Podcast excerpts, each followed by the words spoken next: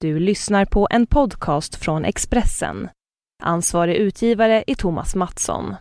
Fler poddar hittar du på expressen.se podcast och på iTunes. Åh, vad Gud vad snällt.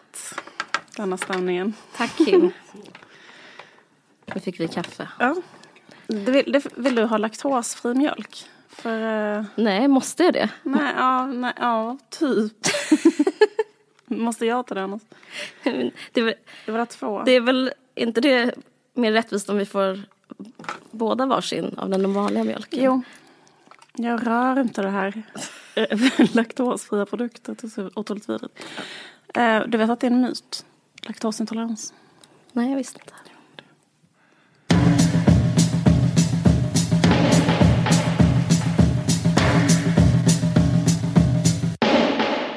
Läget?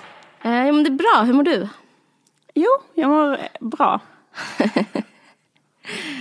Ni skulle veta hur vi egentligen mår. Nej jag skojar. Men eh, vi har precis pratat jättelänge om hur vi mår. Men vi, det här är bara artigt. Men eh, vi har ju sett The Square båda två. The Square. The Square. V- vill du berätta vad den handlar om, Liv?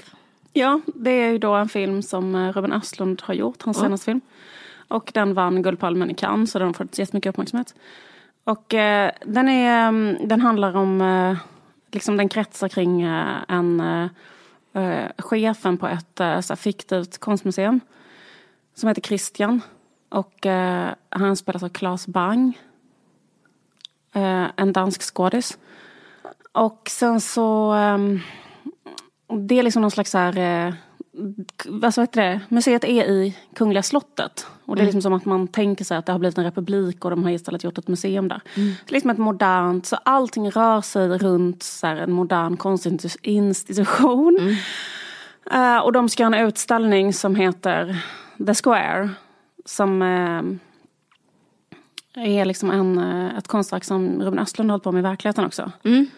Som är att göra en ruta mitt i en stad där det bara ska råda så tillit och omsorg. Så att man ska kunna lägga sin mobiltelefon där och skapa en slags överenskommelse att så här sker det inte stölder eller övergrepp. Här hjälper vi varandra. Typ om man har problem så kan man gå in och ställa sig i den där rutan och så.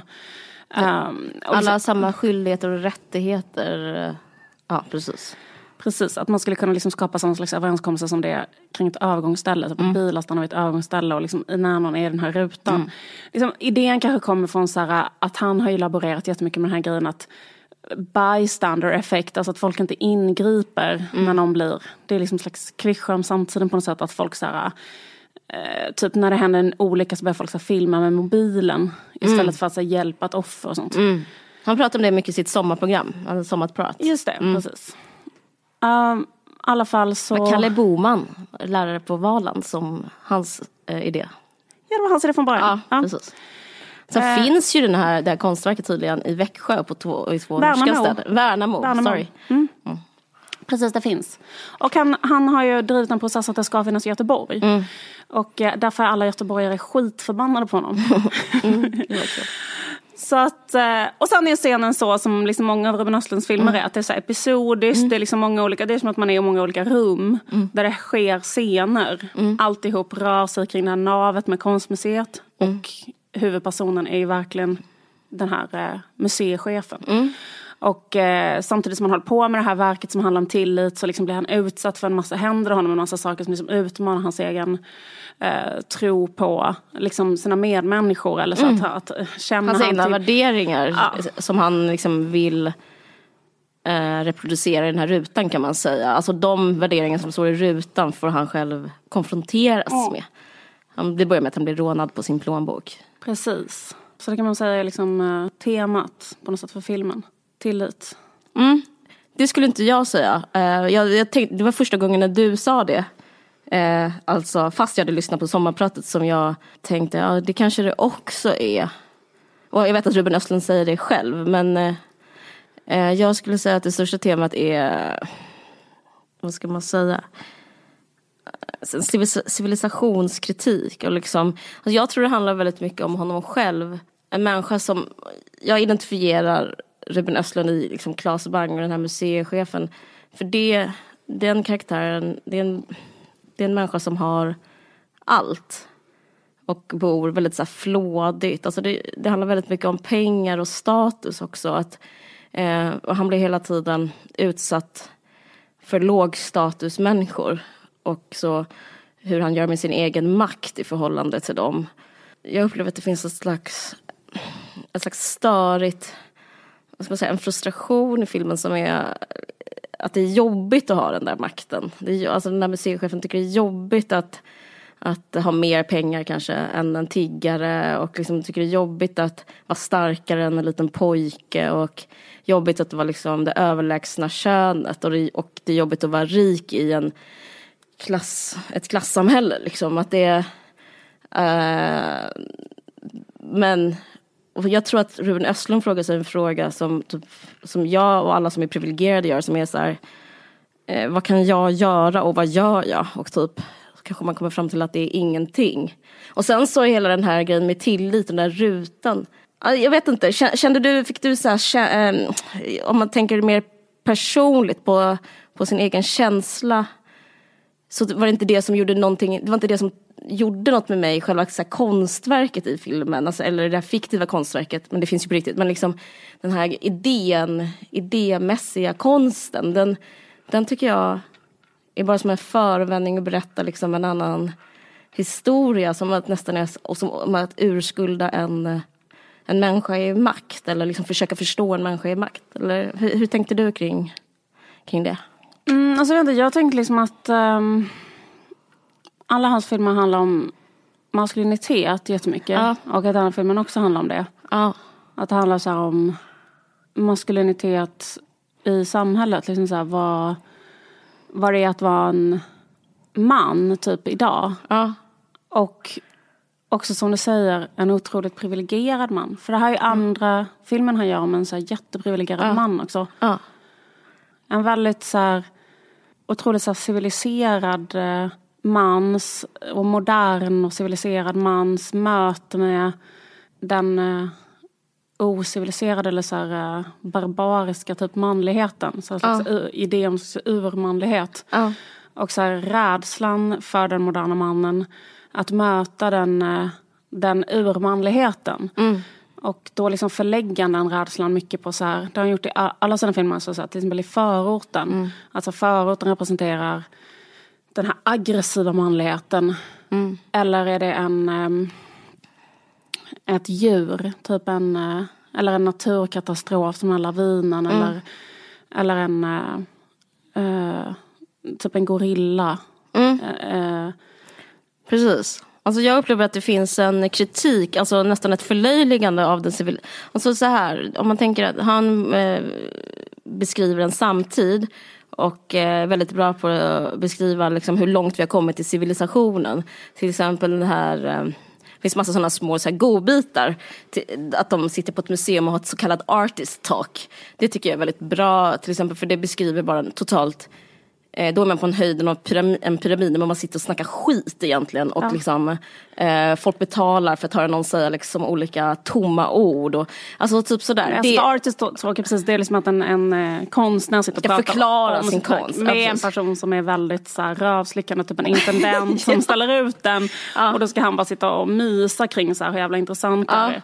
Men det är inte, det är liksom en andrahandskonstupplevelse. Alltså, det är liksom en slags, uh, inte ens konst utan det är liksom att, uh, jag vet inte, någon slags kult, kulturellt uttryck inom konstvärlden. Men det, alltså att man håller på med sånt inom ja. en civilisation. Det tycker jag är väldigt så roligt att någon mm. visar upp den delen, alltså de små hörnen av hur det är uppe på pyramiden. För det kan bara ske på liksom längst upp. Men men det finns... Och under det här art, artist-talket ja. så är det en människa med Tourettes. Ja. Som skriker jättehögt så här, könsord och att konsten är Hora och fitta och ja. Eh, garbage. garbage ja. Typ att, uh, ja. men det är intressant för det, filterartikeln som både du och jag läste säger Ruben Östlund att han identifierar sig med han som skriker garbage. Och det tycker jag är väldigt så mycket key till hela liksom alltså key till att jag eh, håller med mig själv igen, som min tolkning av filmen. Att jag upplever att han, har, att han är civilisationskritisk och till höjden av civilisationen står den här rika privilegierade mannen som liksom till och med har slutat vara man. Och då och där så här, måste vi höja ett varningens finger. Jag, tycker, jag ska bara läsa upp vad, hur motiveringen i Cannes var eh, till varför han vann priset. Mm. Jag tycker det är väldigt intressant. Så här. Han har vunnit priset för att han belyser den politiska korrekthetens diktatur. Och det är liksom... Gud vilken konstig motivering. Tycker jag. Tycker det är klockrent. Liksom, jag förstår precis vad de menar. Eller hur, varför tänker du att det var det? Ja, men jag tycker att en sak som filmen liksom satiriserar eh, inte direkt, eller den, det kanske finns liksom en, någonting som satiriserar det men annars är det väl väldigt mycket det här liksom PR-samhället och liksom kommunikationssamhället och eh, liksom eh, Clickbait. Ja typ. men mm, exakt. Mm, det finns ju liksom, också. Ja. Och satir över modern konst är mm. också en grej. Mm, det gillar han ju inte heller. Alltså, men Nej. det är ju också det politiskt korrekthet tror jag de, att det Jag tycker ändå liksom att, att om jag ska säga så här, ja. vad de menar då är liksom att eh, museiintendenten Christian är en person som försöker vara politiskt korrekt men misslyckas med det. Mm. Eller? Är det det de menar då? Jag tror de menar att den politiska korrektheten är vårt fall. Och här är en som vågar säga det och vågar visa det. Så här, en tankeexperiment som är what if vi tar politiska korrektheten för långt.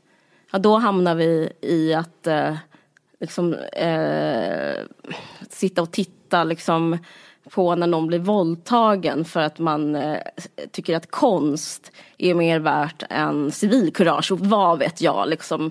Jag kan bara tänka mig liksom, att politisk korrekthet gör liksom, att folk hamnar liksom, eh, så långt bort från liksom, det Alltså det är liksom slags biologism, alltså så här det djupt mänskliga eller urmänniskan eller apan inom oss som man kanske då ska lyssna på. Eh, som, alltså vad, vad är vår apa liksom? Vad är den som, eh, vad har vi gjort med apan liksom? Det, det är som att det är eh, som lite sorgesång över det liksom, skulle jag säga. Alltså jag tycker han Klas blir, eh, han blir ju förlöjligad, vad heter han? Christian. Christian. Han blir förlöjligad i att försöka göra rätt och till slut bara gör han fel. Liksom. Och, men om han varit man från början så kanske det hade liksom inte behövt varit så himla knasigt alltihopa. Liksom. Jag vet inte riktigt för jag tycker ändå att han är väldigt um, rätt så mångfacetterat skildrad. Liksom. Alltså jag bara menar att jag tycker inte att han är skildrad som att han är good guy or bad guy. Alltså okay. liksom mm. att det ändå att han försöker och att det finns en förlåtande ton. Sen misslyckas han väldigt mycket. Men han blir ju inte totalsågad som människa upplever inte jag det som. Nej, nej. Utan det finns liksom en öppning där på slutet mot att eh, han har gjort rätt. Jag tycker när han spelar in där vid, han spelar in ett videosamtal där han håller ett, ett tal eh, som eh, som är ganska intressant, som ändå är, alltså, jag vet inte. Det är liksom, jag, tycker, jag tycker det är liksom en styrka i filmen, att det känns som att det är otydligt hela tiden. Också mm. i den här mm. presskonferensen, eller finns en, förlåt det är så jävla tråkigt att lyssna på någon som pratar om en film som man inte själv har sett.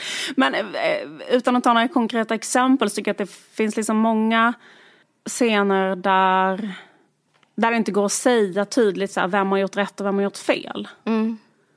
Ja, eh, jag tycker också att han är mångfacetterad men det tror jag eh, krävs för att det, det, ska vara ens liksom, ska man, watchable. Alltså det går ju inte att kolla på någon, göra liksom en platt kar karaktär. Men jag tycker ändå, om man skulle beskriva honom, skulle jag beskriva honom som, ja, men lite som, kan beskriva honom som att han sitter i en slags, han, de pratar om svenskarnas, eh, han skämtar med sin assistent om eh, det är inga svenskar här så vi kan vara, vi behöver inte vara så jävla politiskt korrekta. Alltså han benämner det själv, att det finns någonting som är och då handlar det om att ta lagen i egna händer. Att så här, eh, lite öga för öga, tand för tand situation. Jag ska inte gå in på vad det är. Eh, för vad säger, det är så tråkigt att prata om olika scener och sådär. Men, men att det finns eh, eh, och att han åker dit liksom med eh, någon tjej som konfronterar honom efter typ ett one night stand och liksom att han åker dit på liksom försöka vara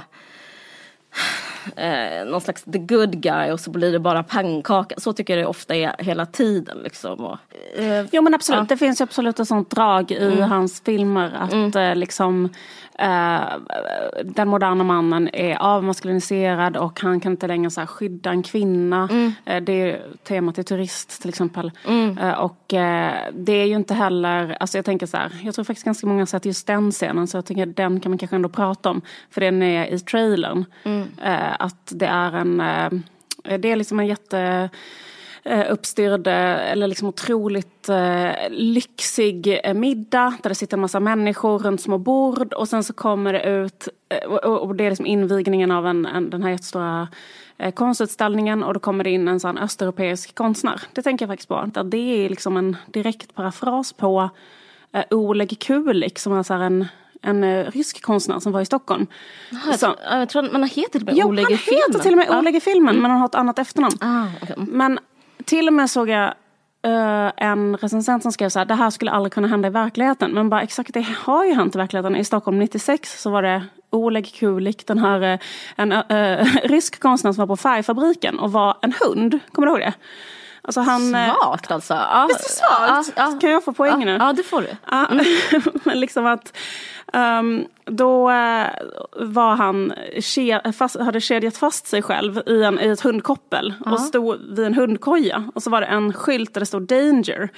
Och sen så gick han helt och hållet in i rollen att, alltså verket heter Mad Dog. Mm. Och så var han naken och eh, bara var en galen hund. Alltså han gick in i rollen av att vara ett galet djur. Och han bet en besökare i benet. Eh, som blev så, så skadad så att liksom, det blev en jättestor grej. Ja. Och eh, han förstörde andra konstverk inne på museet också. Mm. Och, liksom, eh, och han, Oleg Kulik, han har liksom själv sagt, hans intention är att beskriva vad han ser som en kris i samtidskulturen. Som är liksom att vi har ett överdrivet förfinat kulturellt språk som bara skapar murar mellan individer. Ja. Så Oleg Kulik är liksom så en sjukt civilisationskritisk person som menar liksom, håller på med den här äh, apan är förtryckt eller liksom mm. allas inre apa. Mm. Liksom det här eh, samtidssamhället där man liksom håller på bla bla bla bla. I alla fall. Eh, så, så den, den, den är ju ganska liksom direkt hämtad tänker jag från den mm. händelsen. Då i alla fall i The Square, filmen The Square, så händer samma sak. Att det är då en, en konstnär som liksom ballar ur totalt och börjar sluta med att han eh, han börjar med att jaga ut eh, typ alfahannen i rummet och sen börjar han också så här förgripa sig på en kvinna där inne. Men det tänker jag också är så här, lite typiskt um, Ruben Östlund eller hela det här eh, paradigmet kring så här, kvinnor och män och urmannen och så. Att det skulle liksom inte kunna hända i filmen att kvinnan själv försvarar sig till exempel. Att, eh, att hon gör, hon reagerar samma sak som kvinnan i Turist reagerar. Nämligen hon skriker på sin man jättehögt. Sådär. Mm. Uh, att uh, i Turist så skriker hon ju hela tiden sin mans namn. Sådär. Mm. Fastän hon skyddar ju faktiskt själv sina barn. Alltså, för det finns många saker som en kvinna kan göra i sådana situationer. Alltså jag menar kvinnor kan också försvara sig mot män. Mm. Uh, men det visar man ju aldrig. Hon skriker i... hjälp, hjälp, hjälp. Hon skriker hjälp, Gustav, Gustav hjälp mig. Mm. Typ. Eller jag kommer inte ihåg vad hennes kille mm. heter. Men hon mm. skriker på en man hela tiden. Sådär. Och också den här fantasin mm. om den urmannen som också konstnären Oleg Kulik håller på med. Liksom att det är också väldigt mycket en kulturell konstruktion. Att mm. det en gång har funnits en grottman till mm. exempel som var till exempel våldtog kvinnor och hade mm. en okontrollerad sexualitet och så. Mm. Det är ju mer en fantasi, en, tänker jag, en så här, liksom, män idag har den fantasin om hur det var mm. i eh, till exempel på Stenåldern och så. Men det finns ju absolut inga historiska belägg för att det skulle vara så. Att liksom sexuellt våld... Det är en premiss i alla fall. Som ja, men exakt, men det är den här kulturell... och som jag tycker Östlund också ja, utgår från. Exakt, men mm. den premissen är ju väldigt, eller liksom det måste vi ändå vara eniga om att det är en kulturell fantasi. Ja, verkligen. Som eh, kanske skulle vara bättre om den blev behandlad som en kulturell fantasi. Mm, men nu, utgår, nu är den som att den är som eh, Sanningen. Ja, liksom his, en his, ja, precis, sanningen eller vad ska man säga. Det är liksom lite freudianskt också, för liksom Freud höll på med mm. det att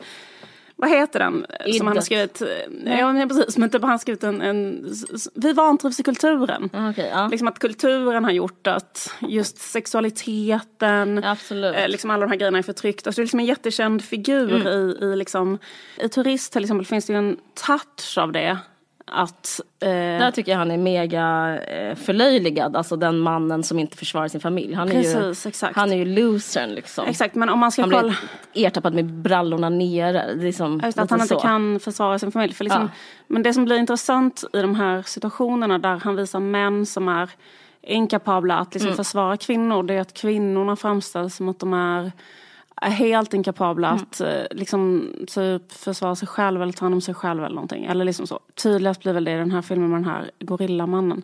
Men alltså, man behöver inte tolka det som att det handlar om så här, den avmaskuliniserade svaga nutidsmannen som har förlorat så här, gamla manliga dygder. Utan typ att det handlar liksom om en, en kritiken är riktad mot liksom det så väldigt individualiserade samhället där alla liksom tänker på sig själva i första hand. Liksom. Han visar så statistik på att det. när det är så båtolyckor till exempel, mm. så eh, typ när det har varit de här Estonia och så, så har det varit mycket mer män än kvinnor som har klarat sig för att liksom kvinnor och barn har dött i mm. större utsträckning än män för att männen bara har så försökt klara sig själva. Mm. Och om man kollar på Titanic till exempel så var det ganska hög utsträckning så kvinnor och barn som överlevde för att man hade någon form av så här hederskodex eller ett annat sätt att tänka kring mm. det där man kanske var mer Uh, och, och det, uh, att, att vårt samhälle har blivit mer så här, jaget är viktigare än kollektivet. Mm. Liksom. Och att det är det också han beskriver. Mm, det är möjligt han beskriver det men jag eh, ser ju... Eh, det, det, är absolut, om man, om man är på det humöret kan man liksom dra det dit men samtidigt så eh, handlar det ju liksom, det finns så fysiska apor med, det är någon som spelar en apa, det är en man som är civiliserad som är dålig, ungefär samma eh, grej i Turist. Men jag tycker en, en sak som är intressant, apropå det här med att han vann Cannespriset, var att Eh, nu vann eh, Sofia Coppola, regi, fick eh, Guldpalmen för bästa regi, alltså Ruben Östlund fick för bästa film. Mm. Och det var 71 år sedan en kvinna vunnit. Så hon fick inte det för Lost in translation och så? Nej, nej, nej. nej. Eh, nej men alltså, mass, person, alltså, jag tror Jane Campion fick för bästa film. Så jag tror liksom det är tre, ja, jag tror inte mer än tre som har vunnit sen Cannes liksom blev en, den institutionen blivit. Och så det är det är helt sjukt med andra ord. Och den här gången så blev det en, så satt den annan kritik har varit att det var alltid varit manliga medlemmar i juryn. Och det, här var första året, de, deras pressmeddelande var så här, nu har vi nästan en jämställd jury. Det hade de inte riktigt, men kanske 40-60 eller någonting. Men då så, eh, de kvinnorna, eller framförallt en kvinna som heter Jessica Chastain som är med i massa storfilmer som The Martian med eh, Matt Damon. Damon och The Help, ja, massa, Zero Dark Thirty, massa sådana riktiga blockbusters. Eh, hon gick ut och kritiserade Cannes liksom inifrån och kritiserade sig själv och juryn. Att, eh, jag ska citera vad hon skrev, för det blev liksom en väldigt så här, viral grej. Uh, the one thing I really took, really took away from this experience is how the world views women from the female characters that I saw represented. and it was quite disturbing to be to me to be honest i do believe that if you have female storytelling you also have more authentic female characters och sen så blev det jättedelat. En, en, en annan regissör som heter Ava DuVernay. Jag vet inte om man uttalar hennes namn. Hon har gjort massa. Någon som heter Selma. Hon, gör mycket, hon är så här en afroamerikansk regissör som gör om typ black eh, typ movement och liksom, liksom vad heter det? Mycket, en film om, film om så slaveriet och hon har gjort även om, vad heter det? Typ det här 1 % på Wall Street, vad som hände. Alltså mycket rätt så politisk regissör men väldigt så här känd då i Hollywood. Hon delade och så blev det jättestor spridning. Men jag tycker det är intressant att det finns en kritik för första gången. Att det, för att jag har känt mig så naiv vad det gäller Cannes. Alltså jag har känt mig som Ruben Östlund. Jag har hört om jag läser, om det var filterartikel, men liksom att han alltid så här kan det stora målet och så tänker man ju. Och så upplever jag att så här, den svenska kritikerkåren tänker också. Eh, och nu är det inte som att jag försöker så ställa mig på barrikader och gå emot alla, men jag upplever en um, Dels den här motiveringen och dels bara hur historien ser ut, att inga kvinnor vinner. Och dels att också hon har bara rätt rakt av. Alltså vadå, vad är de kvinnliga karaktärerna liksom? Eh, och hur kan man låta en film vinna som har den typen av sätt att beskriva kvinnor på. Jag vet inte. Jag känner liksom att det finns någon slags... Eh, det, det, det, har hänt något även där. Att det är liksom även de... Alltså om man tänker på så här, meta, vad kan vill. Så vill kan ju också det Ruben Östlund vill. Alltså kan ha fått kritik för det Ruben Östlund kritiserar, om du förstår vad jag menar. Kans kritik är så här, ni håller bara på med män som typ är alfahannar som gör konst. Typ Hannike och alla vad de heter, man vinner hela tiden liksom. Och nu är det som att Ruben Östlund gestaltar Kans liksom själ och liksom, eh, vad ska man säga, Kans anda som är typ låt alfahanar finnas. Typ. Ja, men alltså jag måste säga att jag liksom ändå inte Ruben Östlund, man får ge honom det att det han håller på med är liksom ändå att problematisera alfahannen på något sätt. Alltså att diskutera ja, men Jag upplever den. att han kommit fram till en slutsats som jag upp, upplever liksom antifeministisk. Alltså jag upplever en kritik mot feminism i vad de två senaste filmerna. Som, som ja, jag men menar du att han tycker att den här eh, östeuropeiska konstnären har liksom rätt typ av manlighet? Nej, jag menar inte att han tar ställning där. Men det, jag tror att det han menar är så här, det är så här vi har kommit. För att de som sitter och tittar ner i servetterna, eh, det är de som inte har sin apa liksom intakt. Och när det kommer en apa, vad gör ni då mm. som har tappat mm. apan? Mm. Och mm. liksom eh, alltså watch out för apan, liksom, upplever jag att det handlar om. Just det. Jag bara satt och tänkte så, fan håller med om det. Men jag säger inte att det är en dålig ja. film för det, jag vill inte säga det. Jag, det jag, enda jag säger är att Sverige will be Sverige. Och att alla bara, alltså det är verkligen som så här, när man VM, någon vinner VM så är det så här, nu vann vi. Man bara ja.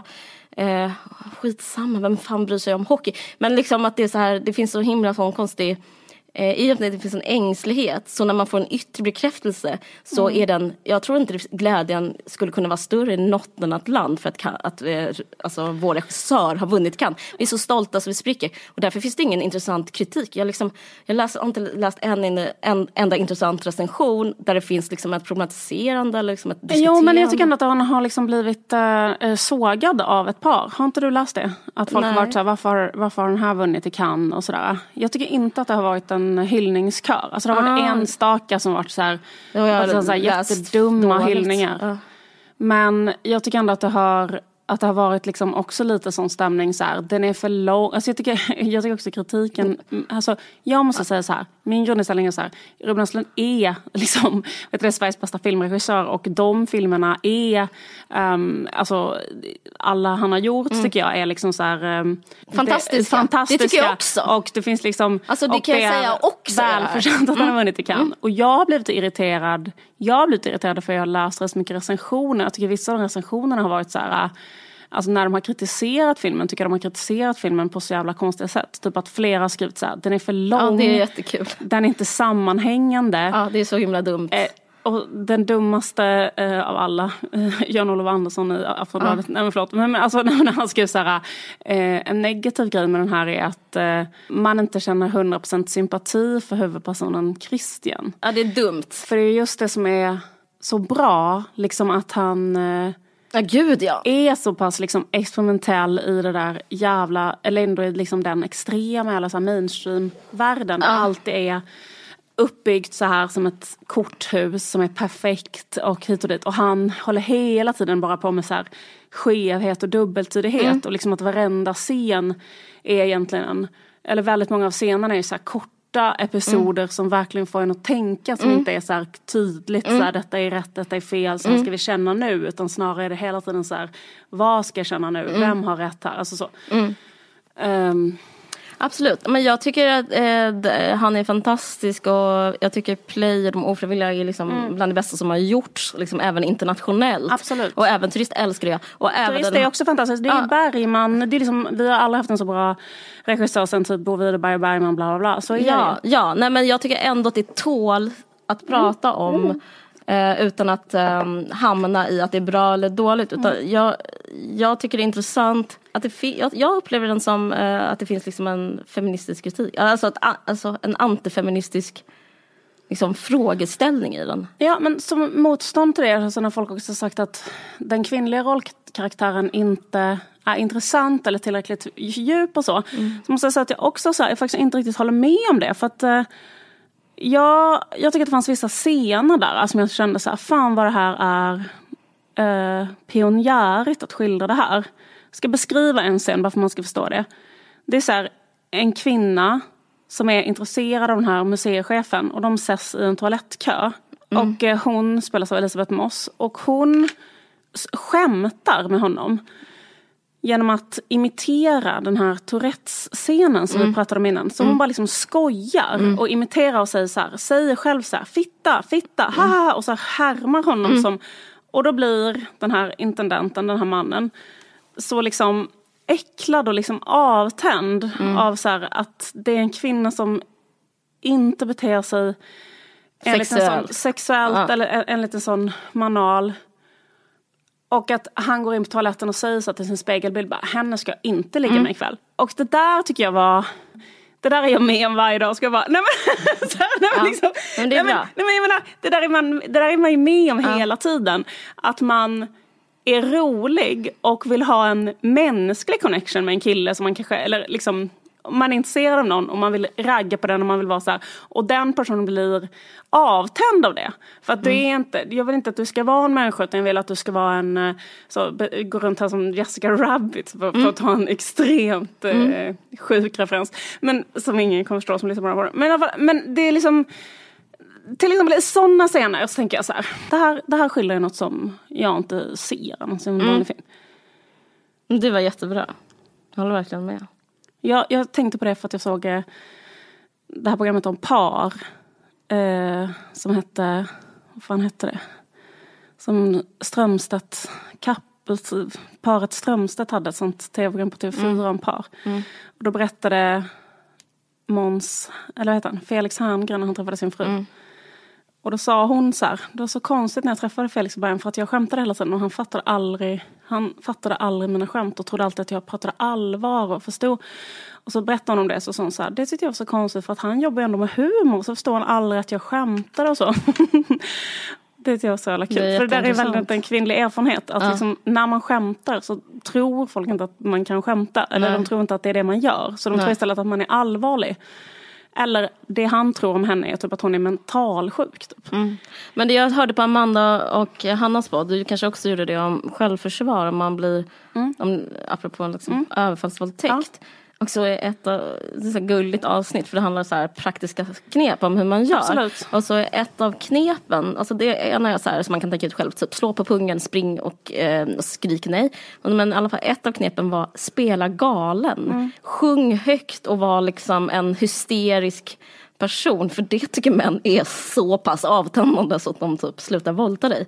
Eh, och jag tycker det är så himla intressant för så är det i vårt samhälle också. Typ om egentligen kan man bara säga, ha en, visa lite så här prov på en personlighet för då kommer man sticka därifrån. Nej, men liksom, det var väldigt Man ska kul. göra typ så som hon gjorde där. Ja. Att hon bara slår sig själv i ansiktet och säger fitta. Ja, för och det är typ han... det sjukaste och mest avtändande man kan tänka sig. Ja, men jag tycker det är intressant för att just de, de mm. pratade i sitt senaste avsnitt om feministiskt självförsvar och mm. en, en, en, en väldigt så klassisk um, kritik liksom, eh, mot just filmvärlden när det gäller mm. feministiskt självförsvar det är ju det att statistik visar att liksom 80% av kvinnor som gör motstånd i situationer de blir överfallna av män kan mm. eh, vad heter det, ta sig ur situationen. Mm. Men man ser aldrig sådana situationer i tv eller film. Och när man ser situationer där, man ser ju väldigt, väldigt ofta, man har ju sett mm. kanske 30 000 scener som är exakt likadana när en kvinna blir attackerad av en man. Och då är det liksom att hon skriker jättehögt, kanske ger honom en örfil, kanske springer, vacklar omkring i högklackade skor. Alltså det är alltid liksom börjar här, gråta. man börjar gråta, man, man, man liksom reproducerar hela den bilden av att totalt försvarslös. Men grejen är att så här, en 11-åring som de beskriver där kan ju, alltså det var faktiskt ett sånt fall i Skåne för inte så under länge sedan där det var en flicka som var just 10-11 års åldern som hade eh, en pedofil och försökte ta upp henne i sin bil på vägkanten och då vad heter det, slog hon honom och tog sig ur greppet. Liksom. Jag menar att det finns liksom känsliga punkter på alla människor, typ ögonen och näsan och sånt. Och liksom, om en 11-åring slår stenhårt någon i liksom, sticker, sticker tummen stenhårt i ögat på någon eller så, så liksom kan den också ta sig ur en situation även mot en vuxen man och så. Men att eftersom vi kvinnor får aldrig se de bilderna mm. så liksom tror vi aldrig att det kan hända oss. Eller vet, att man bara Mm. Eh, liksom får aldrig den peppen. Och det får man inte heller i Ruben Östlunds filmer. Nej, jag måste återkomma till din, till din grej som du tyckte var bra med den där scenen. Mm. Alltså jag tycker också det är bra. Liksom, han är bra på att bara betrakta liksom, verkligheten och obekvämligheter. Alltså det är liksom helt underbart i de ofrivilliga och även i Play. Som, de två tycker jag, det är hans bästa filmer alla kategorier. Eh, jag tycker de är svinbra. Men hur, alltså awkwardness och dålig stämning. Mm. Men, det, men jag måste bara återkomma till den grejen när hon, eh, Elisabeth Mostor skriker fitta i toakön och, och han säger mycket trovärdigt, henne ska jag inte ligga med. Att sen finns det en grej som händer och det är att även hon har, har liksom slarvat bort sin apa. Alltså, jag upplever en kritik mot att liksom, inte bara att skildra så här, men hon skriker fitta i toakön, utan att hon är också ett offer för liksom en civilisation som har gått för långt. Alltså hennes apa eh, har hon inte inom sig längre, utan den har hon liksom separerat jag vet att hon har en apa som husdjur. Alltså, hon har en apa hemma hos sig. En riktig apa spelas av en riktig apa, alltså typ en gorilla. Jag kan inte så mycket om apor, men det är i alla fall liksom det är en gorilla, tror jag. Alltså ett djur ja. hemma hos sig, henne som eh, fungerar som en symbolisk, eh, liksom, vad ska man säga, en metafor som går omkring där. Och den apan eh, finns alltså inte inom henne längre. Han har tappat sin apa genom att vara eh, lite handfallen och liksom inte kunna liksom försvara sig eller knulla ordentligt. Han kommer inte så mycket i sin kondom. Alltså lite sådana saker. Alltså den här direktören på konstmuseet och hon har tappat sin apa. Så även hon är offer för civilisationen. Så att apan har liksom färdats från att vara inom henne till att liksom hamna utanför henne. Och hon har liksom ingen kontakt med sin apa utan istället är det bara liksom någon som bara sitter i hennes hem och eh, äh, apan sitter och sminkar sina läppar. Eh, liksom, de är inte samma person längre utan de har liksom separerats från varandra. Och därför är hon så här helt koko och går fram till honom och typ eh, eh vill ha barn med honom, säger saker helt utanför en kvinnlig förväntan. Alltså hon, hon är väldigt gåpåig, hon har väldigt så här, starkt subjekt, hon är väldigt eh, liksom en modern så här, yrkeskvinna som har en agenda. Liksom. Jag, jag upplever det som kritik helt enkelt. Vad intressant, för jag upplever inte alls hennes uh, rollfigur som negativt skildrad. Okej. Okay. Och jag tycker liksom att hon typ har en så här frigjord sexualitet. Typ när hon ligger med honom. Att det är så här, ja, deras sex är skildrat som att hon är en så här person som får honom att ja. eh, släppa loss lite grann för att hon är så här lite härlig och... Ja men det är, jag upple- jag, så är det ju, men det är ju inte hennes roll. Det ska ju inte vara så enligt Ruben Östlund. Ja, men att mena, tror du att han menar att hon inte har en apa inom sig? Jag upp, ja, jag tror att, eller hen, den kvinnliga apan har hon inte inom sig. Liksom hon, hon har eh, hon har bara liksom, eh, hon har kommit för långt i civilisationen också upplever jag. För jag upplever att hans filmer liksom inte kritiserar kvinnor, alltså varken turist eller denna. Nej, att det är liksom så tror jag också att, han skulle hålla med om. Att han liksom, nej men att han liksom, och, det, och, det, och det är också det som är grejen lite grann med när män hela tiden bara berättar historier. Att mm. män kan liksom bara, alltså han, han, eh, han kritiserar bara det han själv känner till som är han själv. Som mm. är exakt en sån kulturman som är exakt som mm. den där Absolut. Christian. Och då liksom, men att kvinnorna i hans, för det kan jag nästan tycka att gör det som lite endimensionella porträtt, liksom att frun är turist, är en väldigt, ganska, är väldigt ja. endimensionell, god, väldigt smal mm. kvinna. Liksom. Mm. Och den här kvinnan är liksom en eh, då tycker jag att den här kvinnan är liksom ett bättre kvinnoporträtt faktiskt. För att hon är ändå lite, hon är outspoken. Ja, eh, och, eh, och säger saker som liksom, eh, men det blir också förvånad när jag läser recensioner. För då står det så här, eh, det är så jobbigt för att hon går Ester Nilsson på honom. Alltså det, det, ja, liksom det, finns en, det finns direkta liksom, citat som, hon, som han har i den. Ja, att hon, att hon blir som Ester Nilsson. Men grejen är att efter att de har legat med varandra mm. så finns det någonting som jag tänker knyter an till tematiken, tillit, inte tillit. Mm. Att han tror direkt att, att hon tänker spara kondomen för att så här, inseminera sig själv. Så han litar inte på henne. Och det är så absurt så att hon... Alltså, jag upplever det som att det är, är han, alltså det, det den scenen beskriver är en, en, att han är en, en, en galen liksom en narcissist som tror att hon ska befrukta sig mm. med hans gamla sperma. Och mm. liksom att det är det som, som beskrivs där. Mm, mm. Och att hon sen... Går... Jag tolkar inte alls det så. Okay. Jag tänker att han kom, han hade för liten sats. Och, eh, och att det var... Att han inte klarade av att vara man men hon, typ, hon var mannen. Alltså hon var den som kunde njuta, kunde liksom komma, kunde typ eh, bestämma över sexet medan han typ blev eh, riden. Kom för li han typ ljög om att han kom. Ja absolut jag kom, typ. så bara kom han väldigt lite. ja, men det är väl ändå att komma? Nej, jag tänkte att det var det han skämdes för. Jag, alltså... Nej jag tänkte att det var så här. Ja. Jag fattar vad hon, du tänker. Mm, ja, precis, hon kom inte i samlaget heller. Det måste jag komma ihåg. Det slutar med att hon ligger så här otillfredsställd. Hon är så här, har du kommit nu? Och hon bara, suck typ, lägger sig ner, har inte kommit själv. Okej, okay, fan vad konstigt. Ja.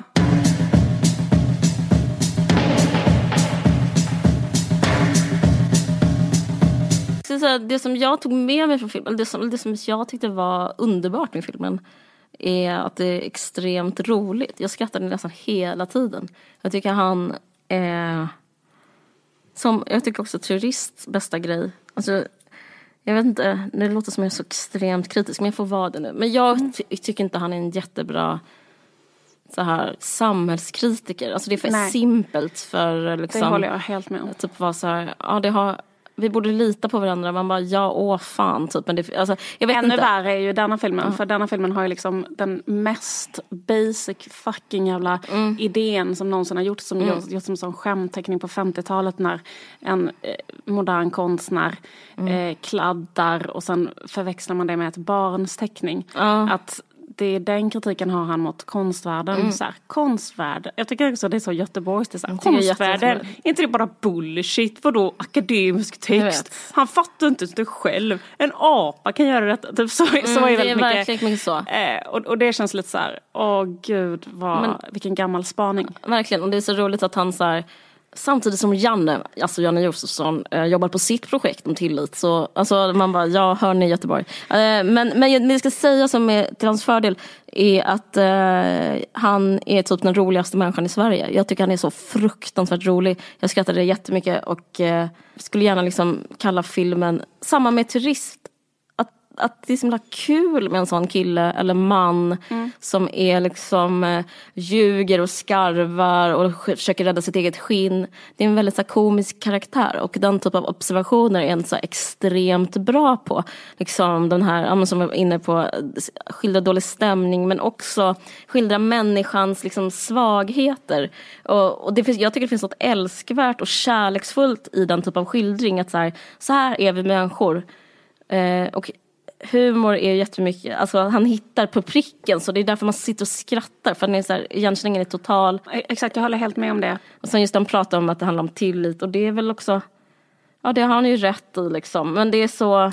Men jag kan också tycka att den kritiken, eller man säger mm. om vi pratar om The Square som politiskt konstverk. Ja.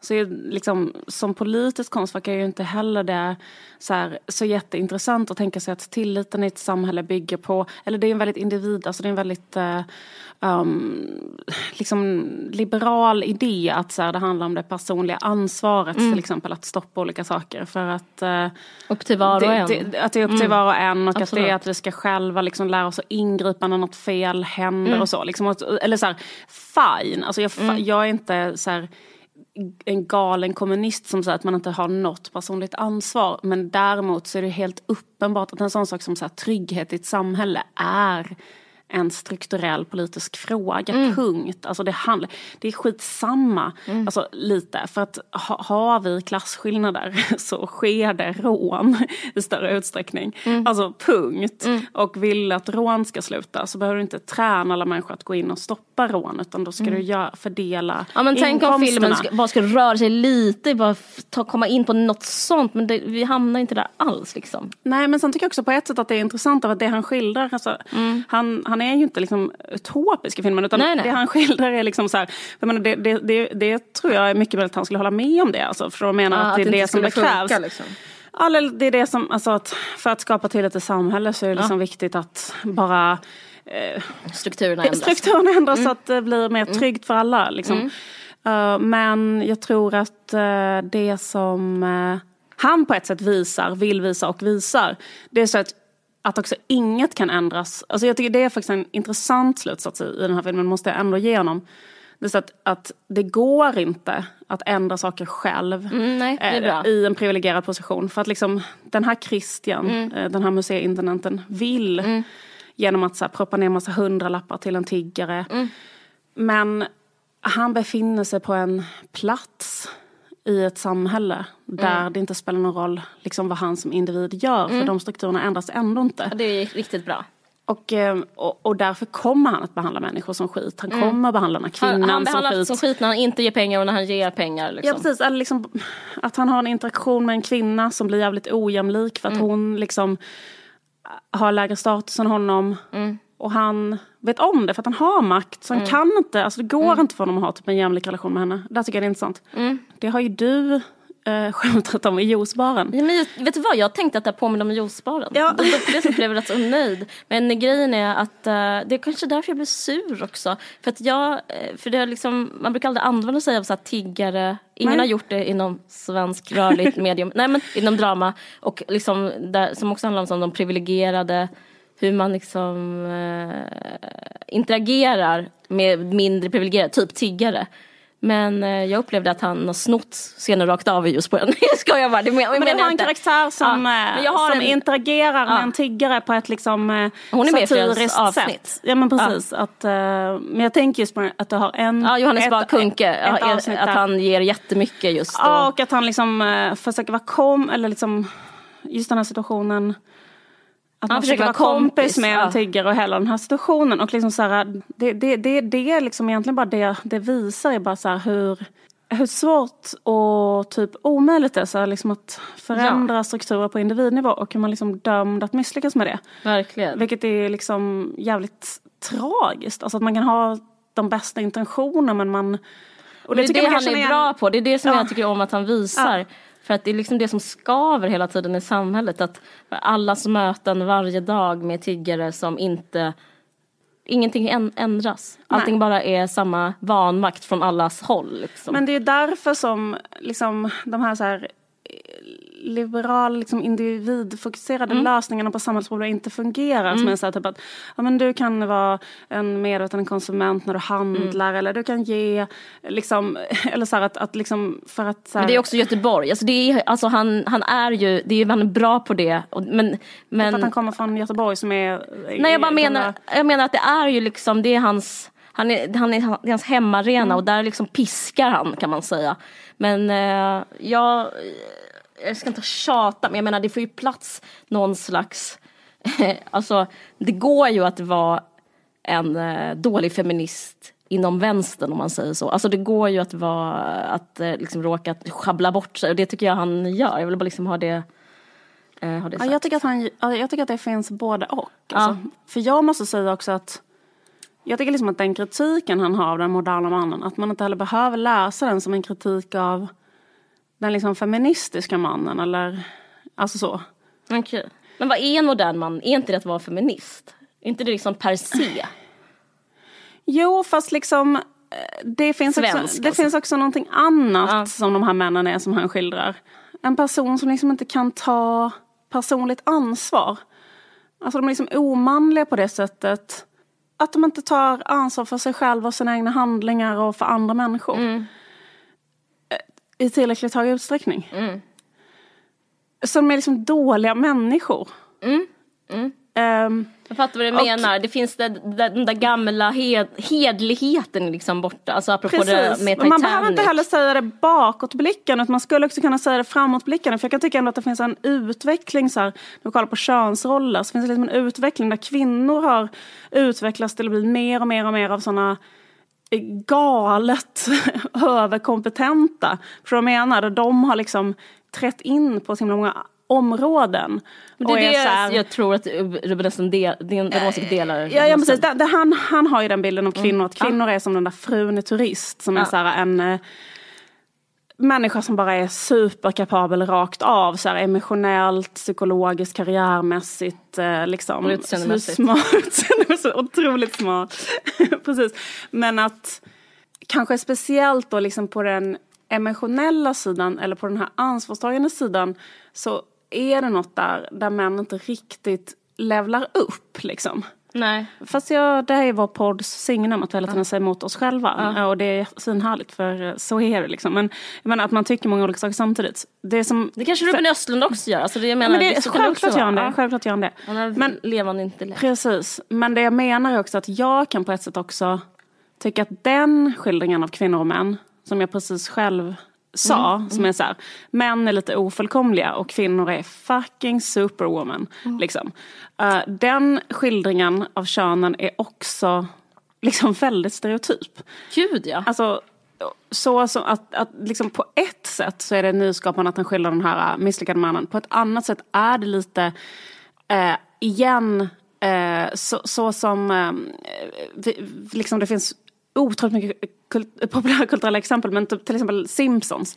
Alltså Eller hur- päron till farsa. Det här är ju vårt vanligaste ämne i Ja, men, podden. ja, men, Ja, men jag menar att, eh, att det finns en superkompetent, vacker, Mm. smal mamma och det finns en inkompetent eh, liksom, klant, Pappa med klantarsle utrymme. Ja. Som har, eh, som liksom inte... Som också är narrativet hela tiden. Det handlar liksom alltid om hans do's and don'ts och liksom Precis. verkan i livet. Och i Liksom. Turist så finns det också ett annat par med ju.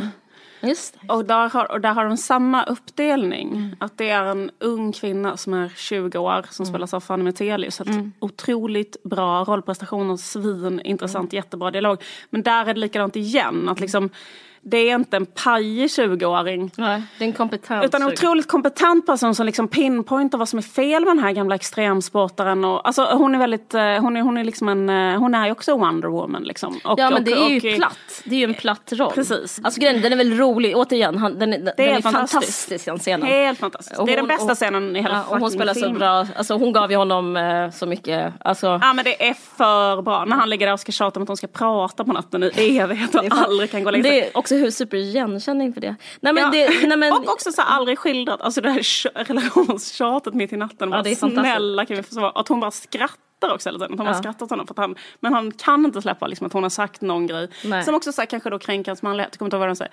Hon, hon har sagt någonting att du skulle också göra det här. Ja, just det. Just Ja, det. också jätterelate. Att man Mm. träffar ett annat, de är jättekära, så träffar de ett annat par, så har de det dåligt. Sen bara börjar man själv få det så skitdåligt man får sån jävla ofeeling för alltihopa. Man Ja, börjar bråka själv och så.